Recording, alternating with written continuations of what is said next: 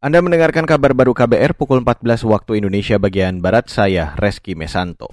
Saudara Menko Bidang Kemaritiman dan Investasi Luhut Binsar Panjaitan mengajak semua negara di dunia untuk bekerja sama melawan dampak perubahan iklim dengan aksi nyata. Berbicara dalam pertemuan Forum Internasional Energi dan Perubahan Iklim, Luhut juga menegaskan komitmen Indonesia untuk memerangi perubahan iklim dan deforestasi.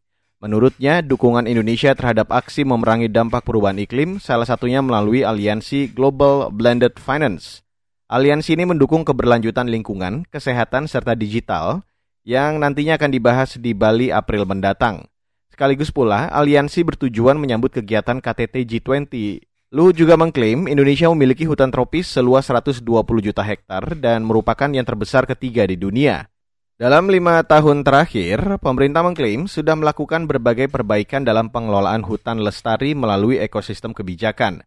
Misalnya, pengelolaan lahan-lahan hutan termasuk penyelesaian masalah perkebunan kelapa sawit di kawasan hutan. Semua itu mengacu pada instruksi Presiden tentang rencana aksi perkebunan kelapa sawit berkelanjutan 2019 hingga 2024. Beralih ke informasi selanjutnya, Saudara. Ahli epidemiologi menilai meningkatnya kasus COVID-19 varian Omikron tidak bisa dihindari. Penyebabnya, Indonesia tidak disiplin menerapkan protokol kesehatan dan kurangnya melakukan tes COVID-19. Untuk itu, epidemiolog dari Universitas Griffith Australia, Diki Budiman, meminta pemerintah menyiapkan layanan memadai di setiap fasilitas kesehatan. Diki khawatir puncak kasus Omikron pada akhir Februari nanti berpotensi meningkatkan keterisian rumah sakit. Apalagi sejak akhir tahun lalu, mobilitas warga terus semakin meningkat seiring kebijakan pelonggaran yang diberlakukan.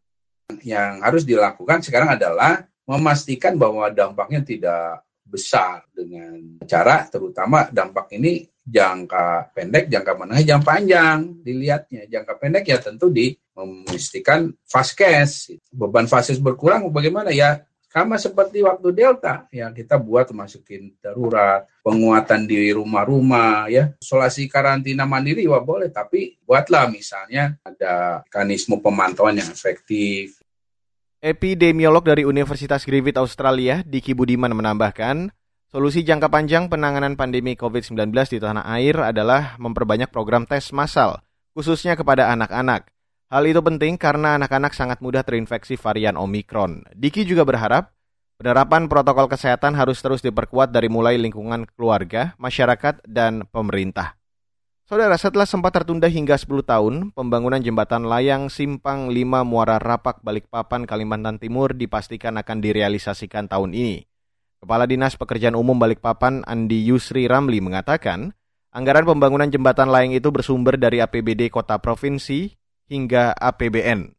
Andi Yusri mengatakan sejak dua tahun lalu, dokumen desain perencanaan atau DED dan tahapan pembebasan lahan sudah selesai serta sudah diserahkan ke pemerintah provinsi. Tapi dalam perjalanannya, pos anggaran jembatan layang itu justru dialihkan sehingga pembangunan gagal dilaksanakan. Pasca kecelakaan lalu lintas yang merenggut banyak korban akhir pekan lalu, barulah pembangunan jembatan layang Simpang 5 Muara Rupak langsung diprioritaskan. Pada dasarnya secara dokumen kelihatannya itu sudah siap yang akan ditindaklanjuti oleh pemerintah Kota Balikpapan. Hmm. Bagaimana nanti ketika ini mau dilaksanakan masalah lahan yang nantinya harus di dibebaskan. Eh, itu juga kan pemerintah kota melalui dinas PU sudah dibuatkan eh, perencanaan untuk pembebasan lahan.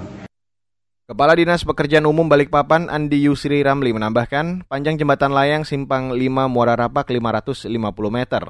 Anggaran pembangunan yang dibutuhkan mencapai 185 miliar rupiah. Data instansi berwenang menyebut, kecelakaan maut di Simpang 5 Muara Rapak sudah terjadi sebanyak 13 kali sepanjang 10 tahun terakhir. Kecelakaan terakhir terjadi sepekan lalu, menewaskan 4 orang dan 26 luka berat hingga ringan. Dan saudara, demikian kabar baru saya Reski Mesanto.